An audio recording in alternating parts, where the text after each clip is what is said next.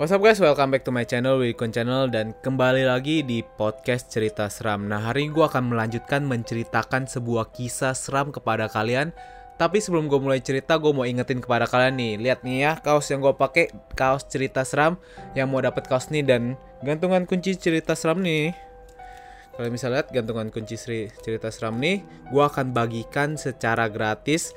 Caranya tuh gampang banget, kalian tinggal follow cerita seram di Spotify, terus kalian ke YouTube gue di Willy Kun, kemudian kalian subscribe, terus komen di kolom komentar, kalian tinggal bilang, bang udah follow dan subscribe, kemudian yang terpilih akan gue chat, di situ gue akan kirimin kaos dan gantungan kunci cerita seram nih secara gratis. Nggak gue pungut biaya dan nggak gue jual nih semua ya guys.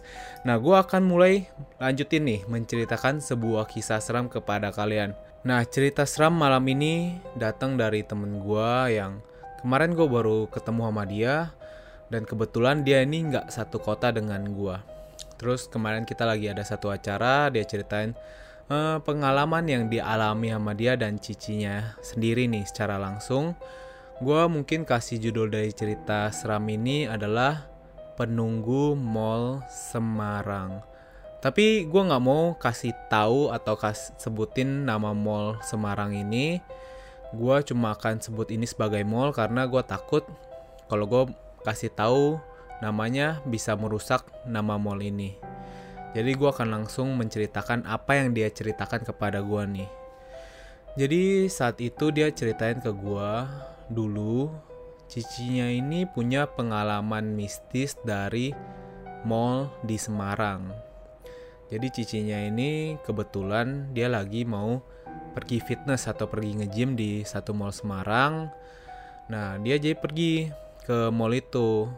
Nah, cicinya ini biasa pergi ke mall itu pas di waktu-waktu rame. Jadi karena waktu-waktu rame jam pulang kantor gitu, keadaan mall ini cukup padat. Jadi dia nggak ambil parkiran lantai satu, dia nggak ambil parkiran lantai dua. Dia ini pergi ke parkiran lantai 6 jadi setelah dia pergi di parkiran lantai 6 nih yang parkiran paling atas, ya udah dia parkir mobilnya seperti biasa. Kemudian dia pergi ke tempat fitnessnya ini, melakukan aktivitasnya seperti biasa. Malamnya ini dia kembali ke kendaraannya ini. Setelah dia kembali ke kendaraannya ini, cicinya ini seperti biasa lah keluar dari mall, kemudian kembali ke rumah, dia mandi dulu, dia siap-siap untuk tidur. Nah, di tempat cicinya ini tinggal di rumah mereka, dia ini tidur bareng seekor anjing. Ya, seekor anjing ini uh, anjing Shih Tzu katanya seperti itu. Jadi dia tidur bareng anjingnya ini yang biasanya anjingnya ini bisa tidur di kasurnya atau di bawah lantai kamarnya ini. Nah kemudian karena dia udah terbiasa tidur seperti itu, dia tidurlah di malam setelah dia fitness dan pergi dari mall itu ya. Nah setelah dia tidur, tepat jam 3 malam katanya. Anjing Shih Tzu-nya ini yang biasanya ini tidur juga, dia tiba-tiba tuh menggonggong di jam 3 malam ini dia ngegonggong ngegonggong terus karena cicinya ini nggak terbiasa dengan anjingnya yang menggonggong ini ya udah dia mulai diemin anjingnya ini nih kayak shh, shh, shh, shh. Nah, kemudian setelah cicinya ini berusaha untuk mendiamkan anjing yang menggonggong jam 3 malam itu, Nah, di malam pertama ini anjingnya akhirnya diam. Nah, setelah malam pertama, malam kedua datang nih. Di malam kedua, cicinya juga udah pulang, terus udah siap-siap untuk tidur, dia mulai tidur lagi. Anehnya, di malam kedua ini tepat di jam 3 yang sama itu, lagi-lagi anjingnya ini menggonggong. Wok, wok, wok, wok setelah anjingnya ini menggonggong seperti itu ya cicinya ini tersadarlah dia terbangun. Kemudian kok ini dia gonggongnya jam 3 malam ya? Sama kayak kemarin gitu. Cicinya ini udah punya perasaan yang nggak enak waktu itu tapi dia masih nggak berani mengutarakannya. Jadi dia berusaha untuk diamin lagi anjing sitsunya ini yang gonggong jam 3 malam. Dia shh, shh, shh. Kemudian anjingnya itu lagi-lagi terdiam, tapi setelah dia berusaha untuk tidur dan menutup matanya, cicinya ini tiba-tiba merasa ada goyangan gitu di kakinya, tepatnya kayak di lututnya gitu katanya sekitar lutut. Dia ada kayak goyangan. Nah, dia pikir anjing yang tadi ngegonggong itu tidur di atas lututnya. Jadi dia berusaha untuk kayak ngebuang gitu loh, ngebuang anjingnya ke bawah biar nggak ngegoyangin lututnya. Setelah dia coba untuk membuang ke arah lututnya ini, loh, tiba-tiba kok nggak ada apa-apa di lututnya. Terus cicinya ngelihat ke arah bawah, dia ngelihat anjing Shih itu lagi tiduran di bawah lantai. Dia langsung kayak siapa nih? Gitu yang tadi ngegoyangin. Dia udah punya perasaan yang gak enak tapi dia coba untuk mutusin nenangin dirinya. Kemudian cicinya ini tertidur lah. Kemudian datang lagi di malam yang ketiga. Lagi-lagi hal anehnya di malam ketiga ini anjing Shih dari cicinya ini ngegonggong lagi gitu pas tepat di jam 3 malam anjingnya ini ngegonggong di satu sudut ruangan tuh wow wow wow wow wow kemudian karena cicinya udah punya perasaan nggak enak dia nggak coba untuk mendiamkan anjingnya nah setelah dia coba tutup mata nggak mau ngehirauin anjing yang ngegonggong di satu sudut itu tiba-tiba sontak dia merasakan satu goyangan lagi di lutut yang pernah dipegang atau pernah digoyangin sama sosok yang dia nggak lihat itu. Nah setelah dia ngerasain bener-bener ngerasain pas dia sadar ada satu goyangan itu, Cici dari temen gue ini dia terbangun dengan kagetnya dia merasakan kalau udah nih positif nih kalau ini nih gangguan dari makhluk gaib. Nah setelah Cici yang ngerasa terkaget dengan goyangan itu dia buru-buru untuk keluar dari kamarnya dia buka pintunya terus dia langsung buka pintu kamar adiknya yang yaitu temen gue ini sendiri kemudian dia ini bilang ke temen gue dek itu ada yang gangguin aku loh nah di situ temen gue ini ngerasa kalau cicinya ini siapa nih yang gangguin malam-malam jangan-jangan maling nih Nah dia nanya dong ke cicinya, siapa Ci yang gangguin kamu malam-malam gitu dengan paniknya kan? Tapi cicinya ini bilang, itu ada sosok hantu yang ngegangguin aku di kamar. Nah temen gue ini orang yang gak terlalu percaya dengan kalau dunia lain ini bisa ngeganggu secara fisik. Dia percaya kalau hantu itu memang ada, tapi nggak punya kemampuan sampai bisa ngeganggu secara fisik seperti itu. Jadi dia bilang, ah Ci malam-malam gini ngigo aja gitu. Jadi dia nganggep kalau cicinya ini lagi bohong ke dia. Terus dia juga bilang, ya udah udah Ci, jangan eh, panik-panik uh, atau berisik tengah malam kayak gini. Udah lanjutin tidur aja gitu. Akhirnya cicinya ini kayak ngalah dengan adiknya teman gue ini terus dia bilang ya udah aku balik lagi ke kamar ya. Dia dengan perasaan yang cukup was was sebenarnya cicinya ini kembali ke kamar dan akhirnya tidur lagi. Kemudian balik lagi di malam keempat, lagi-lagi eh, gangguan yang sama persis di jam 3 malam itu datang lagi. Anjing sitsunya itu gonggong kemudian lagi-lagi kakaknya ini dipegang di lututnya ini digoyangin selimutnya kemudian dia merasakan terus dia bilang kalau ke adiknya itu beneran aku digangguin gitu. Jadi karena akhirnya temen gue ini ngerasa cicinya ini nggak berbohong dia nih seperti kayak menantang sebenarnya. Tapi dia bilang ke cicinya ih sosok siapa sih yang gangguin kamu mulu gitu Ci? Dia bilang kan. Kemudian abis dia kesel kayak gitu dia bilang ya udah besok aku tidur di situ gitu. Jadi di malam kelima ini temen gue ini tidur di kamar cicinya bareng cicinya. Terus dia bilang nih ya aku nih temenin kamu nih malam ini di sini Ci. Kita lihat nih ada sosok yang gangguin kamu beneran apa enggak gitu. Terus dia kayak uh, bilang kayak gini di mana sih sosoknya itu? Gitu kan sambil kayak ngelihat ke semua sudut ruangan gitu. Tapi di situ dia ngerasain hal yang aneh gitu.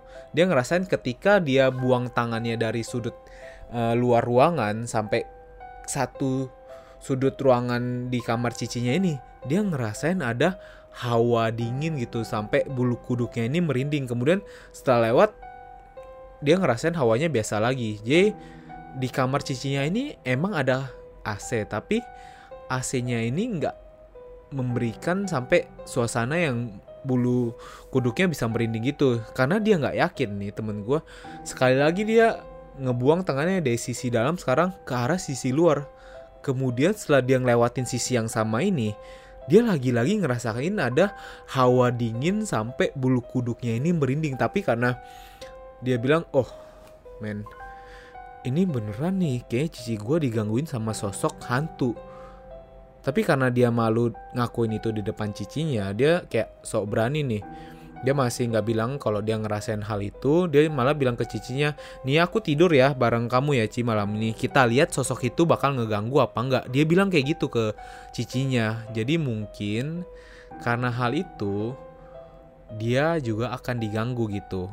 Dia punya feeling seperti itu katanya pas waktu itu. Kemudian pas jam 3 malam ini ya udah dia tidur bareng cicinya nih. Lagi-lagi Shitsunya itu ngegonggong tepat di jam 3 malam. Jadi setelah Shitsunya ini ngegonggong, temen gue ini ngeliat ke arah dari Shitsunya itu ngegonggong yang rupanya di mana Shitsu itu ngegonggong di arah dia nunjuk tadi. Jadi cicinya ini nggak bilang Shitsunya itu ngegonggong ke arah mana. Pas dia nunjuk ini dan sekarang dia lihat anjing Shitsunya ini ngegonggong, itu sudutnya sama. Berarti fix. Dia bilang, sosoknya itu ada di situ tuh. Dan dia udah ngelakuin satu kesalahan yang besar. Dia kayak ngenantang sosok itu katanya seperti itu. Kemudian karena dia juga ngerasa udah cukup merinding dan dia udah percaya dengan hal itu dia coba untuk tidur.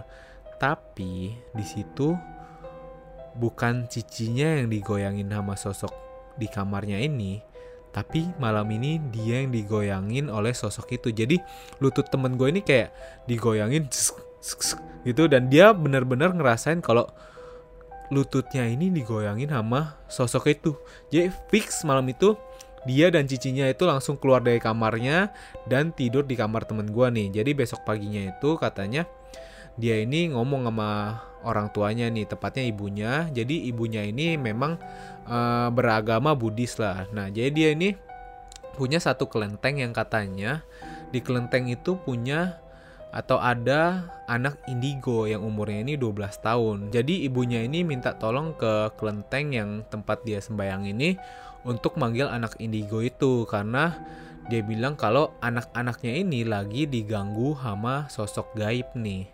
Jadi setelah kelenteng itu menerima permintaan dari ibunya, sosok indigo itu datanglah ke rumah teman gue ini. Jadi setelah dia datang ke tempat uh, rumahnya ini, dia ngelihat gitu di depan rumahnya, kemudian dia masuk ke ruang tamu dan ibunya ini mengantarkan ke kamar cicinya yang katanya si anaknya itu merasakan gangguan mistis di kamar cicinya nih.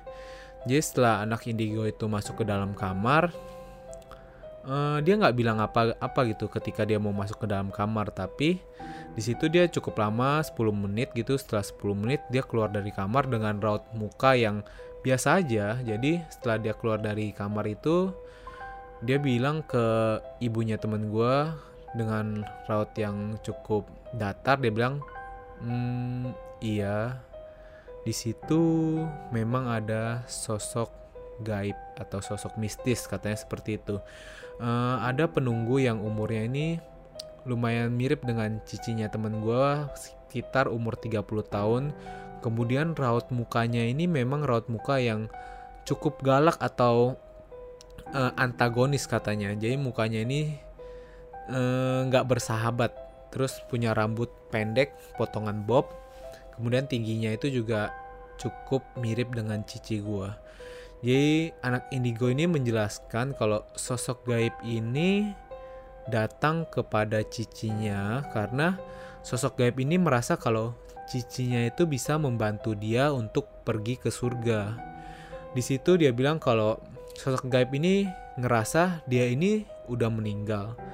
Tapi kenapa nggak dipanggil ke surga gitu atau nggak bisa pergi ke surga?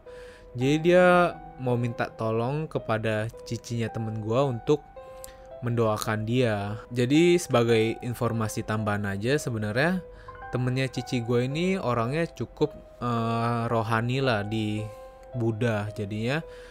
Sosok ini nempel di cicinya temen gue karena seperti itu. Dia itu orang yang bisa mendoakan kata sosoknya ini jadi dia mau bukan minta tolong tapi dia ingin, dia ingin cicinya temen gue ini mendoakan dia agar bisa masuk ke surga. Jadi setelah dia ngomong seperti itu, anak indigo ini juga memberi catatan penting kalau dia ini nggak berbohong. Dia bilang kalau sosok ini tuh datang dari mall yang ada di Semarang, tepatnya di lantai 6, satu mall di mana cicinya itu kemarin kan pergi fitness, tapi cicinya ini nggak pernah cerita hal itu kepada anak indigo ini nih, berarti memang anak indigo itu nggak bohong ke dia. Nah, kemudian setelah hal ini anak indigonya ini bilang ke cicinya temen gue kalau uh, cicinya ini nggak mau diganggu lagi, dia itu cukup membacakan 108 parita atau surat kitab suci dari agama Buddha untuk sosok mistis ini nih. Jadi tolong doain dia agar dia bisa masuk ke surga dan sosok ini akan hilang setelah didoakan. Jadi cicinya teman gue ini benar-benar melakukan apa yang diminta oleh teman gue apa yang diminta oleh anak indigo ini. Kemudian dia mendoakan sosok ini beberapa hari. Dari hari pertama hari kedua dia bacain 108 kitab itu untuk sosok ini bisa diterima di surga. Dan setelah beberapa hari itu anak indigo ini kembali ke rumah temen gue dan dia bilang e, harusnya sih hari ini sosok itu udah nggak ada. Jadi dia coba ngecek lagi di kamar temen gue dan rupanya di kamar temen gue ini memang sosoknya itu udah nggak ada setelah didoakan. Nah anak indigonya ini setelah melihat hal itu dia tambahin lagi ke cicinya temen gue dia bilang e, di mall Semarang ini memang di lantai enamnya itu dipenuhi oleh makhluk gaib karena katanya di lantai 6 dari Mall Semarang ini dekat dengan langit. Jadi mereka menganggap kalau mungkin kalau mereka naik ke tempat yang cukup tinggi, dia bisa pergi ke surga dengan sendirinya. Jadi, kalau kalian suka pergi ke gedung-gedung tinggi, terutama lantai yang gelap dan sepi, berhati-hatilah. Jadi itu dia guys, cerita malam ini sebuah cerita yang cukup simple tapi baru gue denger dari temen gue sendiri dan gue tertarik untuk menceritakannya kepada kalian. Jadi semoga bisa bermanfaat dan cerita ini tidak pernah untuk menjudutkan pihak mana pun. Dan sebelum gue tutup, gue mau ingetin lagi kepada kalian, kalau kalian mau dapetin kaos ini secara gratis dan gantungan kunci cerita seram secara gratis, jangan lupa untuk follow podcast cerita seram di Spotify, kemudian kalian pergi ke YouTube gua di Willy Kun, kalian tinggal klik tombol subscribe-nya nih di pojok sebelah kiri kalau kalian nonton di YouTube, kemudian komen di video ini kalian bilang bang udah gue follow dan udah gue subscribe dan yang terpilih akan langsung gue kontak ya guys. So thank you for watching this video and see you in the next video guys. Check it out